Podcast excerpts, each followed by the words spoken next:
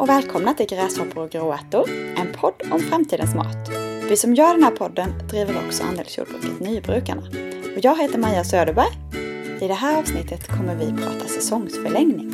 Hur gör man för att kunna skörda grönsaker hela vintern? Och hur får man fram riktigt tidiga vårprimörer? Jag sitter här i köket hos Jonas Ringqvist. Välkommen till Nybrukarnas podd.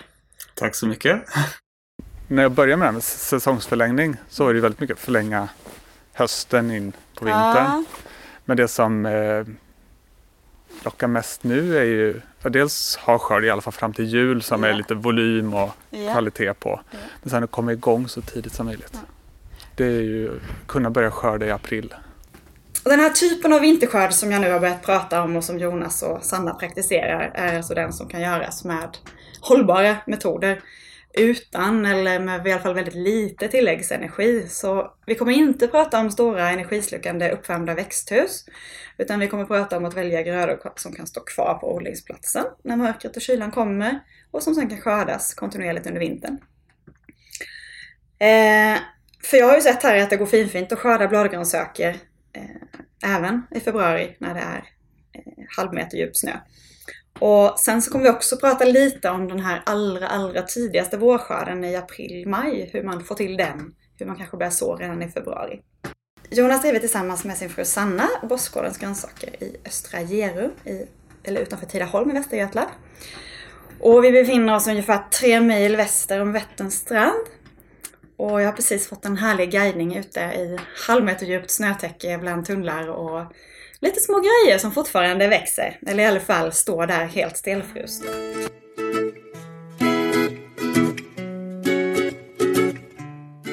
Berätta om här vi står nu då.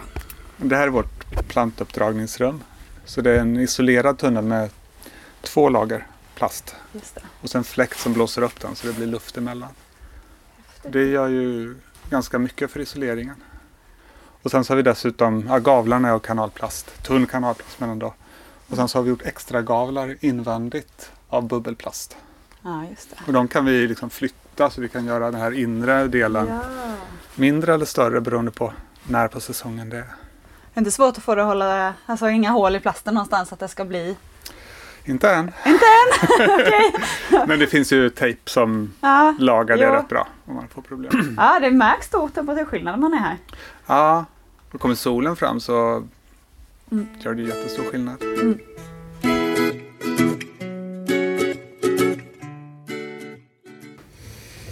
Ehm, vill du berätta lite om, om Bossgården, om försäljningskanaler och hur, liksom, hur gården fungerar? Börja lite där. Mm. Ja, när jag köpte gården så handlade det mest om självhushåll. Mm. Och sen så, så vi har hönor, vi har får, vi föder upp stutar och så har vi grönsaksodling. De senaste åren har det blivit mer och mer grönsaksodling och mer och mer kommersiell inriktning på det. Så vi försöker försörja oss på, på det. Ehm, så vi odlar idag ungefär 4000 kvadratmeter grönsaker. Ehm, och säljer den till prenumeranter, kallar vi det. Mm. Vi säljer på torget i Tidaholm. Vi är med i en rekoring. Och eh, ska nu börja leverera till butik också. Spännande, ni provar alla restaurangerna är kvar? Nej? Ja, vi har inte, ja, vi har jobbat med en restaurang lite grann men eh, vi har inte fastnat för det riktigt. Nej. Ska jag göra det då skulle jag vilja ha en sån här kock som är riktigt eh, taggad på att samarbeta. Jag har inte hittat någon sån än. Nej. Nej, spännande. Men då är det alltså så att du och Sanna i princip försörjer er på den här gården. Ja. Häftigt. Härligt, härligt. Um, vinterskörd nu då. Ehm, odling här i Sverige har ju, tycker jag i alla fall, skett på vissa ganska statiska sätt under en lång tid. Eh, till exempel att vi, man sov vid en viss tid, man skördar vid en viss tid och sen Mm. är det vintervila. Eh, varifrån fick du idén att börja förlänga skördesäsongen?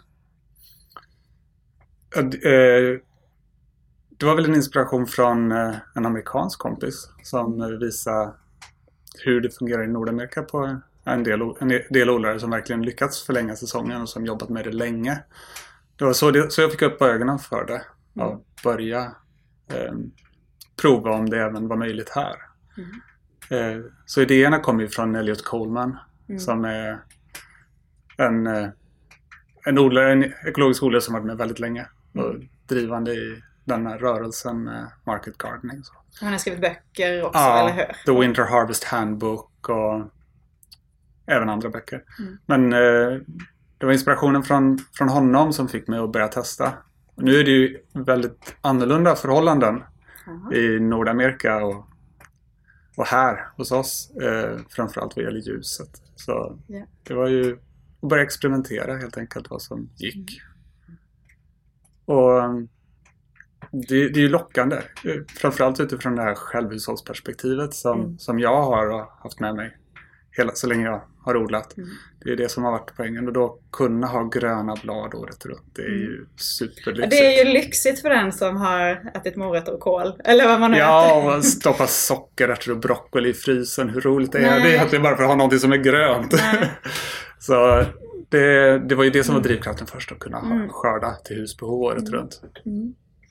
Ja men vi går in på det praktiska med en gång. Det, Mm. Ni har hållit på, fem sex år har du sagt att ni har hållit på, eller ni har hållit på att experimentera och testa Ja. och så.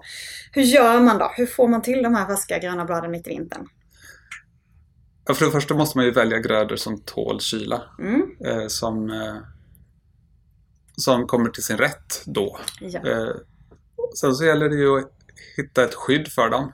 Mm. Det är väldigt, som en sån här dag när det är 30 cm snö så är det jobbigt om de växer på friland. Det skulle liksom inte Ah. funka sådär bra. Även om de skulle kunna finnas där. Om man skulle ta fram snön så skulle man kunna skörda dem men det är liksom ganska opraktiskt. Så vi har ju odlat i tunnlar, odlingstunnlar. Som vi ändå har för, som vi har haft för gurk och tomatodling och så. Mm. Eh, så man sår på sensommaren. Mm. Eh, Se till att de växer till lagom mycket innan det Mm. blir för mörkt och kallt för att de ska fortsätta växa. Och sen så står de där och väntar på att Mm. man ska skörda. Det låter väldigt enkelt. Men när vi var ute och kollade så, så hade ni ju ett fantastiskt häftigt flyttbart växthus.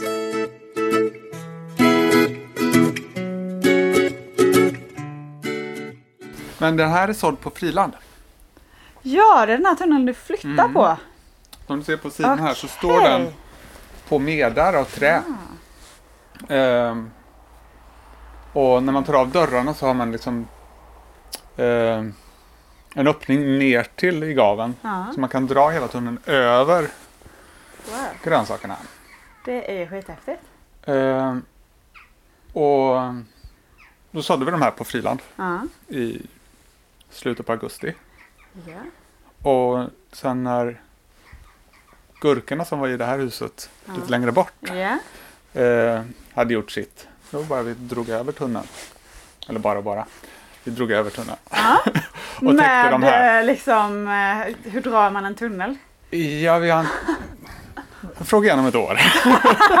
Då har jag ett bättre svar tror jag. Hur drar ni en tunnel nu? Vi, vi hade vinschar. Ja. Men det... Mm, vi ska Men det funkar ju. Ni har ju fått ja, ja, den det, på det, plats. fun- det funkar. Och är man tillräckligt många så drar man den för hand. Ja. Eh, Den, den här tunneln är ju 40 kvadratmeter så det är ju en liten tunnel. Men då är de här bågarna är förankrade i en regel. sitter ett armeringsjärn som Ja. är, går rätt igenom Ja. medan Ja. och så sticker upp. Och så Ja. bågarna är bara satta på det armeringsjärnet. Som s- sitter löst där. Ja, Okej, och så det. är plasten förankrad i medarna. Ah. Så Så när ni nu flyttar den så får ni liksom lyfta av den från armeringsjärnen? Nej, vi jag fattar. drar dem. Det är som Okej. två långa skidor som Ah. man åker på. Ja, okej. Nu ska vi se. Du har satt armeringsjärnen, men inte i ner i jorden. Nej, utan nej, bara nej, i medarna. Då har det blivit jobbigt. Ja, det var det jag tänkte. Man sticker upp liksom. Ja, de sticker upp ur träkonstruktionen och sen trär ni på. Aha. Mm. Okej, så när ni har flyttat till förankringen är det på fyra ställen? Ja. Och det har inte blåst bort ännu? Inte än. Men den blir ganska tung, själva nederkonstruktionen också, eller så den tynger ner lite, eller? Ja, men det viktiga är att det inte kommer in Ja. vind som kan få tag och lyfta alltihop. För då kan det ju börja flytta på sig. ja. Men det finns ju en annan poäng som jag ser direkt, det är ju det här att det brukar ju vara lite svårt ibland att få till skiftena i växthusen. Mm. Då har du ju löst den utmaningen samtidigt. Ja, och ett permanent växthus där man efter tio år måste gräva ut all jorden. Ja, Det är ju sjukt jobbigt. eller hur? Och det slipper vi. Ja. Ja, frågan är om man då ska gräva upp sina jordhankar och bygga medar på sitt befintliga växthus. Eller om man bara ska köpa ett nytt. Man kan aldrig få nog med växthus, så Nej, köp ett nytt. Så. Jag börjar inse det också. Så är det, absolut. Vilka grödor är de här favoriterna nu då? De eh, riktiga favoriterna för skörd mitt i vintern är eller som, de som vi har lyckats med för Mm, skörd mitt i vintern kan jag säga. Det är vinterportulak, vintersallad och persilja. Ja. Men det finns fler. Även spenat är uthållig. Mm. Eh, och det finns fler. Minutina. Och, Nu är det många grödor som de flesta inte kommer känna igen här. Mm. Eh, Vinterportulak, vad är det? ja, det är ett nordamerikanskt ogräs. Men det, det är en bladgrönsak. Eh, har en lång skälk med ett hjärtformat litet blad längst ut. Mm. Eh, växer som en liten eh, tuva kan man säga. Som en, ros- ja. eh, den växer fort eh, och är väldigt köldtålig framförallt. Mm. Den växer även när dagarna är väldigt korta med, med väldigt lite ljus. Spännande. Vi har faktiskt provat den eh, själva första året i år, fast inte i tunnel utan faktiskt mest på friland. Mm. Eh, och min upplevelse var ju den här att när jag tog in den till familjen och bara ställde den på bordet som den var, att det blev liksom de tyckte det var godis liksom. Det var ju en väldigt, väldigt god Mm. grönsak. Ja, den är väldigt, eh, väldigt snäll. Alltså. Mm. Mild och mjuk och Ja. ja, jä- jättefin grönsak. Poppis att ha på. Jag tänker både som salladsblandning men på mackan och som garnering. Ja. Och som, Mm. som Kockarna kommer älska den känner jag. Det är en sån här riktig kock, Mm. kockgrönsak. Och sen är den väldigt bra tycker jag tillsammans med vintersalladen. Vintersalladen har ju en helt annan Mm. karaktär. Lite strävare blad och lite, lite mer smak liksom.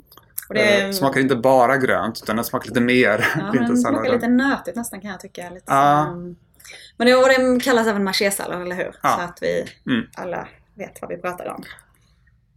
Den är också väldigt tålig, eller hur? Ja, Den, Den, eh, den klarar sig ju hela vintern. Och båda de här växer tillbaka. Nej, Nej. Eh, ja, vintersalladen plockar man enstaka blad så kan den väl fortsätta växa. Mm. Men vintersalladen skördar man ju ofta av hela bladrosetten. Som ett litet, litet salladshuvud kan man säga. Medan eh, vinterportulacken kan man ju ta tre skördar. Mm. Koriander mm, råkade ju vi lämna kvar i växthuset av misstag. Den stod ju sig fasiken nästan längst av alla. Har du inte Ja, provat den? jo, du gillar inte koriander? jo, jag, jag älskar koriander.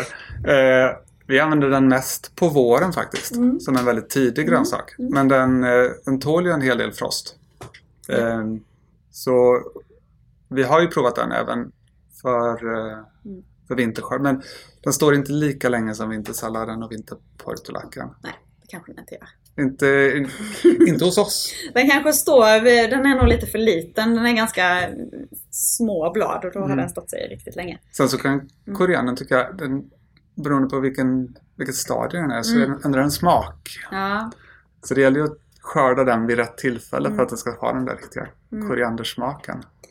och vad sa du mer? Annars sa du persilja. Persilja. Den känner vi igen och den gillar- uppskattar vi. Mm. Ehm, Minutina eller strandkämpar. Ja, den fick jag smaka för första Ja. gången här ute. Den har jag faktiskt den har aldrig vi sett innan. provat första gången den här säsong- säsongen Mm. faktiskt. Och den, eh, den är också köldtålig. Den är inte lika god. nej.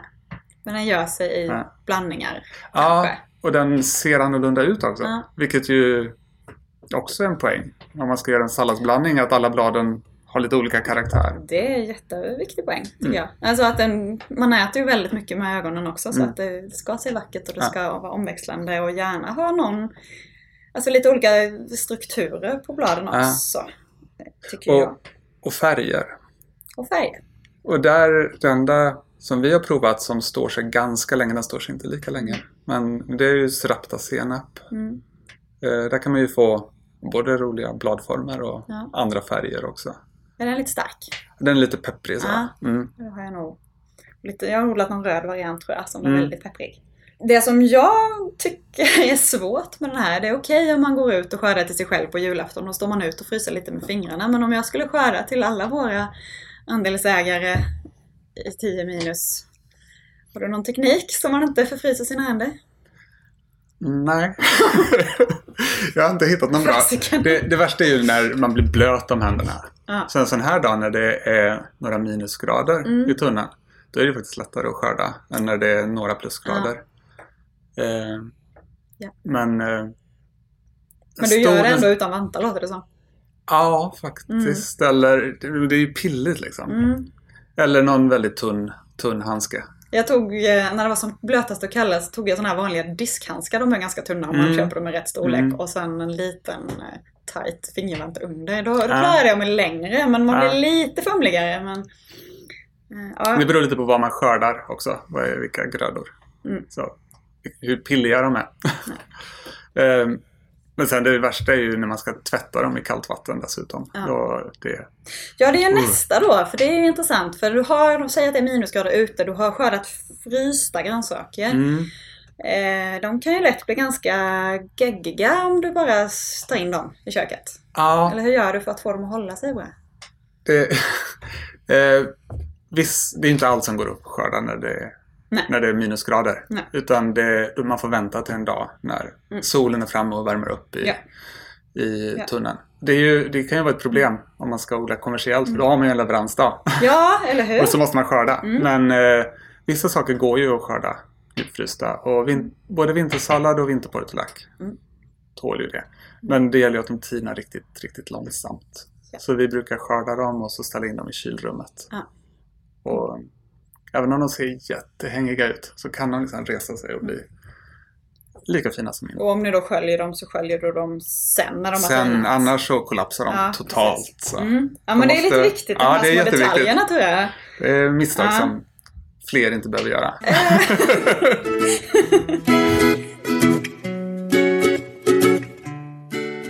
Ja, men jag gissar att ni har haft en och annan svårighet när ni har experimenterat kring vinter och vårskörd. Kan du inte berätta om lite misstag som ingen annan kanske behöver göra eller och dina bästa tips rent odlingstekniskt liksom? Misstagen... eh, Den största utmaningen för vinterskörden Mm. det är att få grödorna att vara precis lagom stora när de slutar växa. Ja.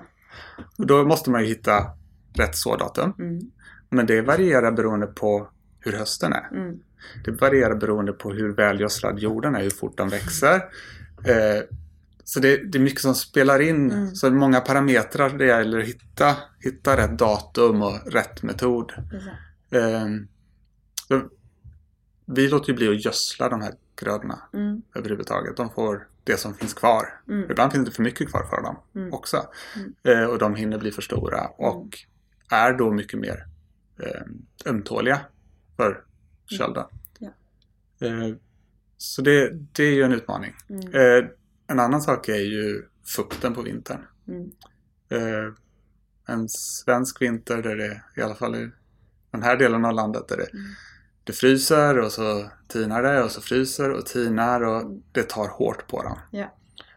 Och det blir fuktigt. Mm. Och med fukten så kommer också möglet. Mm. Och det kan ju bli ganska misslyckat. Ja. Så det gäller ju att definitivt sluta vattna i tid. Ja. Eh, när du var med där ute så såg du det var ganska torrt. Mm. Mm. Eh, vi försöker ha det så torrt som möjligt när vi kommer fram i november. Mm. Så att de, de kan stå där och vara fräscha och inte Mm. börja mögla. Inte gödsla för mycket. Se till att det inte är för fuktigt. Så gott du kan. Samtidigt hålla... Och ha jäklig tur med vilket datum du sår. ja, och hur hösten blir. Men det, eh, vi sår ju ofta i flera omgångar ja. för att hantera det. Mm. Och får sedan då skörda allt eftersom Ja. som det är klart. Mm. Och då får vi ha kanske en salladsomgång som inte kan stå in i november som vi får Mm. ta kanske i början på oktober. Mm. Men ett annat år kanske den hade kunnat stå in i november istället. Ja. Så en flexibilitet där. Så det gäller att ha flexibilitet i, i försäljningskanalerna där helt enkelt. Ja, det också. Så du blir av med dem när de behöver skördas. Ja. Ja. Mm. Sen om man använder fiberduken för att hantera det här med fukten. Eh, det blir också det blir varmare under fiberduken. Mm. Men det blir också fuktigare under. Just det. Så, så fort solen tittar fram, även på vintern, Ja. så kan ju temperaturen gå upp ganska bra i tunnlarna. Så där och täcka av fiberduken. Låta det torka ut, låta Ja. solen värma marken lite grann. Mm. Det, det gör väldigt stor skillnad.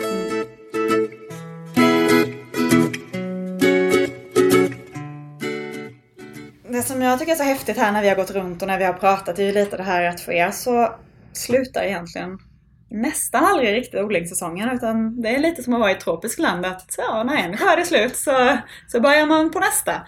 Eh, och nu i februari så är det snart dags för även förkultivering och sen är det samtidigt dags för första frilandsåldrarna snart. Mm. Ehm, ja, men ta den riktigt tidiga skörden också då. Hur... Jag tänker ju att som konsument så går man ju där i april, maj och har vårkänslor och tycker att nu är det dags att börja köpa nyskördade grönsaker. Och sen kommer man till butiken och då kommer de från andra sidan Mm. jorden. Och vi har inte ens börjat stoppa några frö i jorden. Och som odlare så kliar det fingrarna och Ah, kommer igång ja. alltså. Det är ju... Hur gör man för att få den här skörden som man längtar efter? Eh? De första sakerna som vi skördar, de kan vi skörda i april. Mm, Och sånt som vi odlar i tunnel då. ja. Eh, Och då drar vi upp planter inne. Mm, Eh, Börjar i mitten på februari ungefär. Eh, Och vi brukar ha plantorna fyra veckor i plugg ungefär. Mm, Så vi får ut dem, sätter ut dem i mitten på mars. ja. Då brukar det vara så pass varmt i tunnlarna att jorden reder sig så att det går att, går att sätta igång. Mm, Eh, Så då planterar vi ut huvudsallad, pak choi, eh, mitsuna, någon bladgrönsak som heter pink lettuce som jag inte ens vet vad det är, men den Nej. finns i Runebergs sortiment. Okej. Mm. Eh, som är jättegod. Okej. Mm. Mm. Låter väldigt vacker också. Ja, den, är Mm. lite, den har lite färg också. Mm, mm. Men den är ganska stora blad. Okej. Fin. Koriander kan vi sätta ut då också. Mm. Spenat. Mm. Men Förkultivera Det, allt det där förkultiverar vi för att komma igång så tidigt även som möjligt. spenat. Liksom. Mm. Ja, men då sår vi ju några Jo. frön i varje plugg liksom, och sätter Mm. ut dem. Så det är ju en del, del jobb med omplanteringen. Men. För att kunna skörda i april så Mm. är det ju värt det. Det. Och sallad fastnar jag lite för där. Vilken, eh, vilka sorter funkar så tidigt? Den sort som vi har använt riktigt tidigt är Pirat. Okej. Mm. Vad är det för Eh, sallad? Det är en huvudsallad Mm. som knyter sig bildar ett vanligt huvud. Ja. Liksom. Eh, Den, den funkar. Ja. Den är ganska snabb och det skulle ju säkert funka med andra sorter. Vi har bara fastnat för den. Mm. Ja, vi har använt mycket den här Little Gem som Mm. tidig och sen. Men jag har inte provat så tidigt någon gång. Nej. Den tål ju ändå en del minusgrader. Mm. Liksom. Sen så gäller det ju när man planterar ut i tunneln i början eller i mitten på mars. Mm. Eh, Det behövs ju en fiberduk också. Ja. Så var det ju två lager. Dels har vi tunneln som skyddar och sen där inne har vi små bågar med fiberduk över. Ja. Så man får det dubbla skyddet. Ja. Där, under där så då händer det ju saker. Mm. det ju. Så Mm. man behöver ju också man behöver få upp temperaturen innan man planterar ut. Mm. Det är en annan viktig del. Och det kan ju fiberduken hjälpa till med. Mm. Eller så kan man ju täcka jorden med svart plast så det drar till sig värme. Mm. Mm. Okej, upprepa de här allra tidigaste. Sallad, spenat, pak choi, mizuna, pink någonting. Pink lettuce, Pink lettuce. Jag ska te- testa den, känner jag direkt. koriander, och koriander, det är Mm. de allra, allra tidigaste som är förkultiverade. eh, Red Russian, den här Ja.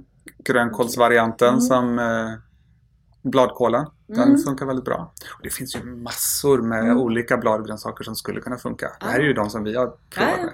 Det finns en uppsjö, massor. Jo, men och det är ändå ganska mycket asiatiska blad, låter det som. Ja, mycket så. Det finns ju en eh, likhet i klimat, tänker jag. Mm, de, De är ganska kalla. överhuvudtaget kolväxterna är ju Ja. köldtåliga. Och den Eh. här grönkålen Red Russian du pratar om är ju en av mina smakfavoriter. Den är väldigt mild och, Mm. och god och funkar. Alltså en grönkål som verkligen gör sig väldigt bra i rå form. Mm. Eh, ska man säga. Ehm, den är jag förtjust i. Sen, eh, nu har vi bara pratat blad. Eh, Mm. tidigt sätter vi också ut eh, majrova och kålrabbi. Ja, Jag vill gärna ha någon grönsak som Ja. är lite mer som det är lite mer substans i. ja. och de förkultiverar ni också. De, det gör vi. Eh, för de allra tidigaste omgångarna. Lika tidigt. Som, Ja. Mm. Mm. Eh, och då kan vi skörda majrovor. Vi har ju skördat majrovor i slutet på april. Mm. Eh, Men normalt sett räknar vi med att vi skördar majrovor i april. Eller i, i maj. Ja. Huvudsallad från första maj ungefär. Ja. Eh, De här andra bladgrönsakerna, riktigt snabba som mitsuna och så vidare. De kan vi börja skörda i april. Sen gissar jag att ni även får tidiga sånt som rädisor som inte tål så mycket köld men som är väldigt snabba. Ja, Eller- de kan vi ju sätta igång tidigt också naturligtvis. En annan eh, viktig gröda som inte får missa det är ju lök. Så fort vi får vår Ja. sättlöksleverans så sätter vi ner den. Mm. Det brukar vara svårt att få sättlöken så tidigt som vi vill ha den. Ja, det. Eh, så det är liksom Mm. ringer och tjatar på leverantören att vi vill ha den, vi vill ha den. Och sen så, så fort den kommer så sätter vi den. Och då kan vi ju skörda knipplök tidigt i maj. I tunnlarna också. I tunnlar också. Mm. Med fiberduk som extra skydd. Ja. Och de är inte stora i början på maj. Nej, Men det är ändå, man får ihop knippen. Ah. Det, det är värdefullt i den Ja, tiden på året. det Då är är det. de Det är andra torkade och har börjat Mm. växa och är hur tråkiga som helst. Så det, det har ett stort värde. mm. Mm. När man lyssnar och tittar på det här som ändå känns plötsligt som ganska givet eller ganska spännande och jag bara kliar i mina fingrar för att börja experimentera ännu mer. Eh, så tänker jag mig att varför har ingen gjort det här innan? Eller?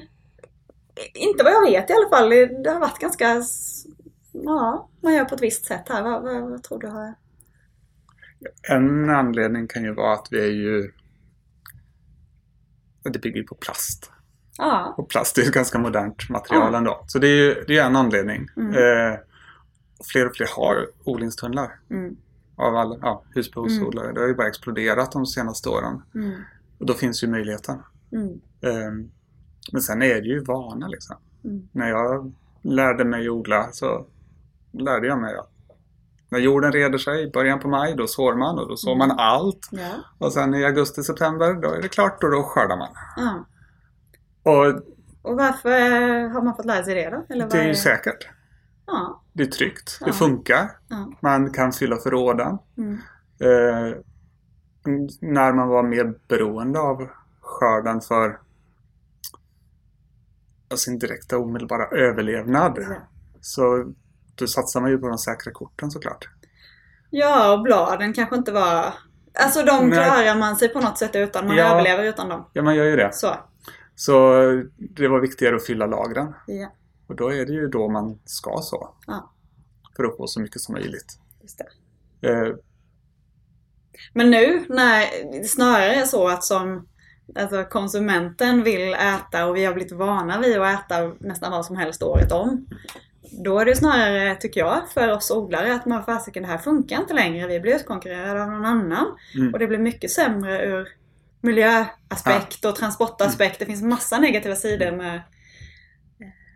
och ibland så handlar det bara om att vi behöver bli provocerade och tänka nytt och tänka annorlunda och så börja göra saker på ett helt annat sätt. Ja, Så bara för att få mig att tänka helt annorlunda. Jag har alltid sett rädisor som någonting, det skördar man först ja, på våren. ja, Och det, det är en vårprimör. ja.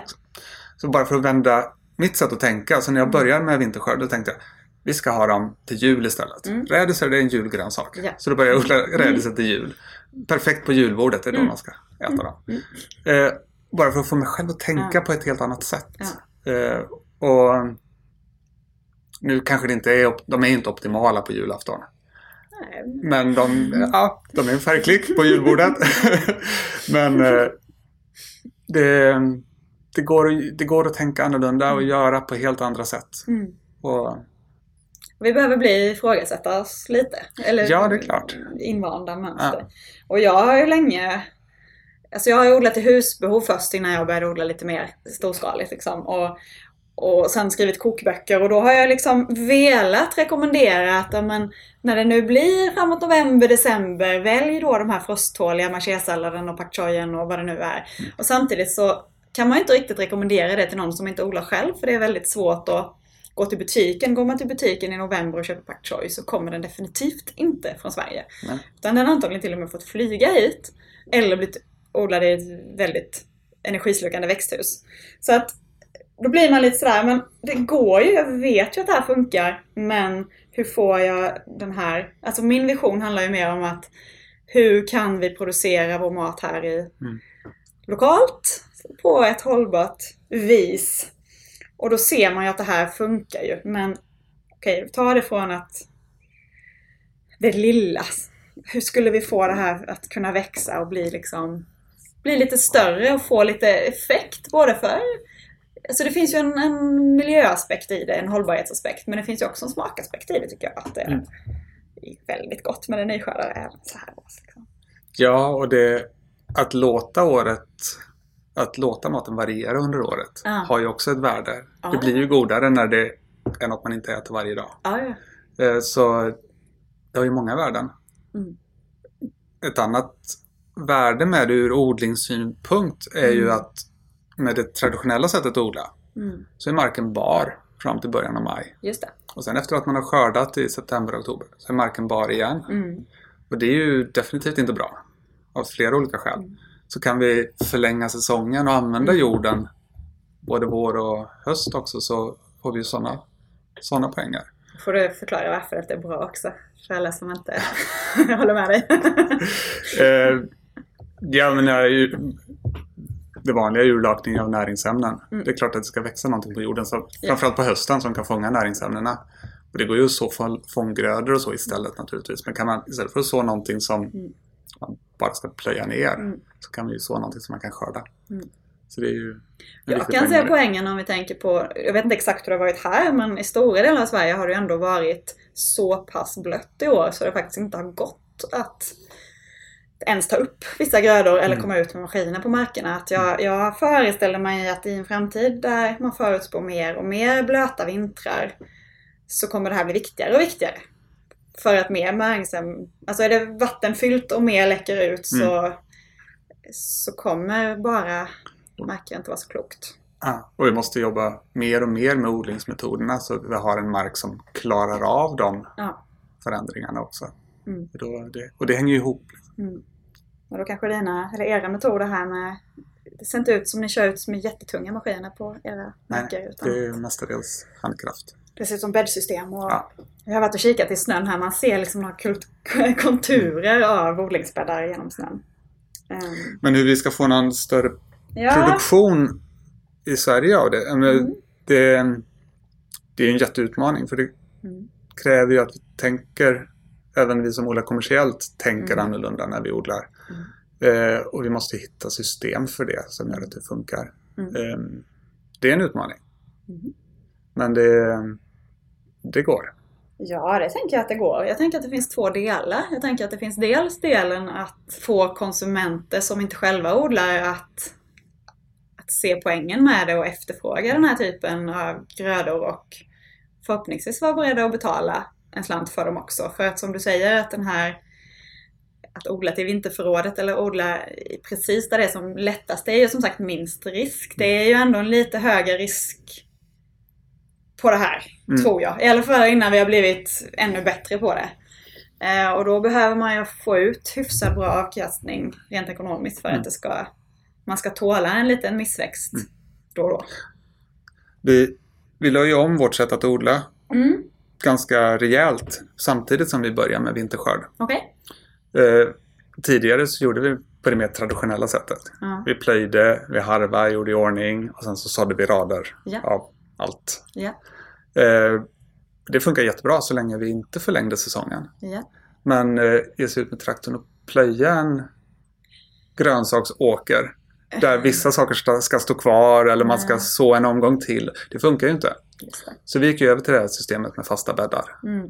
Eh, och det har ju många fördelar. Det är bra för jorden, det är yteffektivt, vi kan producera mer på samma yta. Mm. Men det möjliggör ju också säsongsförlängning på ett helt annat sätt. Så en anledning kanske egentligen är det traktorbaserade Ja. odlandet. Det spelar nog... Det, det finns... Det hänger ihop. Det hänger klart. ihop, absolut. Mm. Ja. Ja, men jag tänker lite på som både, både du och jag jobbar med att med direktförsäljning till direkt till kunder via Mm. prenumerationer, andelsjordbruk, rekoringar, torgförsäljning. Att, att vi kanske är viktiga Alltså de, många människor idag är ju ganska långt ifrån produktionen och genom att vi säljer direkt så kanske vi också kan berätta för dem att det här är möjligt men få dem att förstå att det kanske inte är jättelätt. Alltså, tänk att vi kanske är viktiga där. Att, Ja. Ja, hur, hur får vi konsumenten att fatta hur coolt det faktiskt är? eller hur? Att vi kan leverera grönt på vintern. Ja. Det, För innehållet är ju, om man tänker sig machésallad från ett holländskt växthus eller machésallad från Bossgården är ju två helt olika grejer. mm, Och det måste vi ju, när man står med två påsar med machésallad så Mm. måste vi ju kunna visa värdet av det ena eller det andra. Men då har vi pratat lite om vad producenterna kan göra och vad konsumenterna... Det finns ju fler, det finns ju myndigheter och politiker och stödfunktioner. Finns det, finns det något du skulle önska få hjälp med? Om vi tänker oss att vi vill att visionen är att vi odlar alla grönsaker kanske, eller många fler grönsaker som, som vi konsumerar i Sverige här. Finns det något som myndigheter, politiker det, kan göra? det enkla svaret, Ja. som jag egentligen inte tror är svaret, det är ju att transporterna är alldeles för billiga. Ja. Så då transporterar man hit saker. Ja. Men eh, egentligen så handlar det ju mer tror jag om innovationer och hitta, Mm. hitta metoder som funkar i kommersiell skala. Mm. Och att få stöd i utvecklingen av de metoderna och innovationerna. Där tror jag myndigheter och Mm. ja, staten kan spela en stor roll. Mm. För när man gör någonting första gången, det man gör massa misstag, det blir dyrt. Någon måste ju betala för det. Ja, och det kanske blir det mer själva. effekt om tio gårdar testar samma sak mm, samtidigt ja. med lite olika... Alltså, Mm. Ja. Så där, det, det skulle vi behöva Mm. stöd till. Mm. Men det är också, det är också ett fokusområde för regeringen och Ja. att stödja innovationer inom lantbruket. Sen så tror jag inte alltid att de menar kanske de här sakerna. Nej. Tyvärr. Nej, det jag kan känna är ju att kanske att stödet som finns oftast riktar sig till antingen väldigt stora projekt eller väldigt stora belopp. Så att vi som en liten aktör kan eller vågar inte ens söka. Eller vi har för lite arealer för att det ska vara möjligt. Mm. Eh, Så det är väl, om jag skulle få lägga in något där så är det kanske att, att tänka även på de små som jag tror har en stor Mm. potential. Jag tror ju inte att det här, det här sättet att odla, att kunna skörda på vintern, att eh, det kräver ju att man odlar på ett helt annat sätt. Mm. Som inte är optimalt i stor skala. Mm. Det funkar väldigt bra i, i mindre skala. Då måste man ju tänka helt annorlunda om hur Mm. man hur jordbruket ska se ut i framtiden.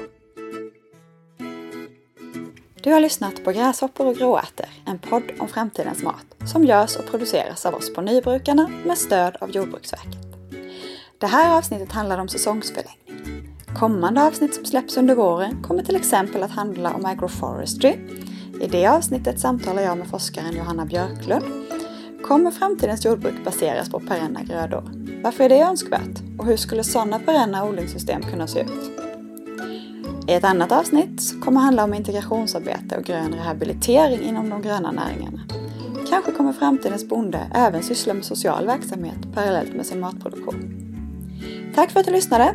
Du hittar vår podd på nybrukarna.se samt i de vanligaste podcastapparna. Följ oss också gärna på Facebook och Instagram.